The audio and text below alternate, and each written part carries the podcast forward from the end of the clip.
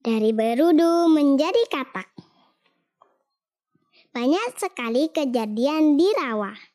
Kisah dimulai dari pertemuan antara ayah dan induk katak.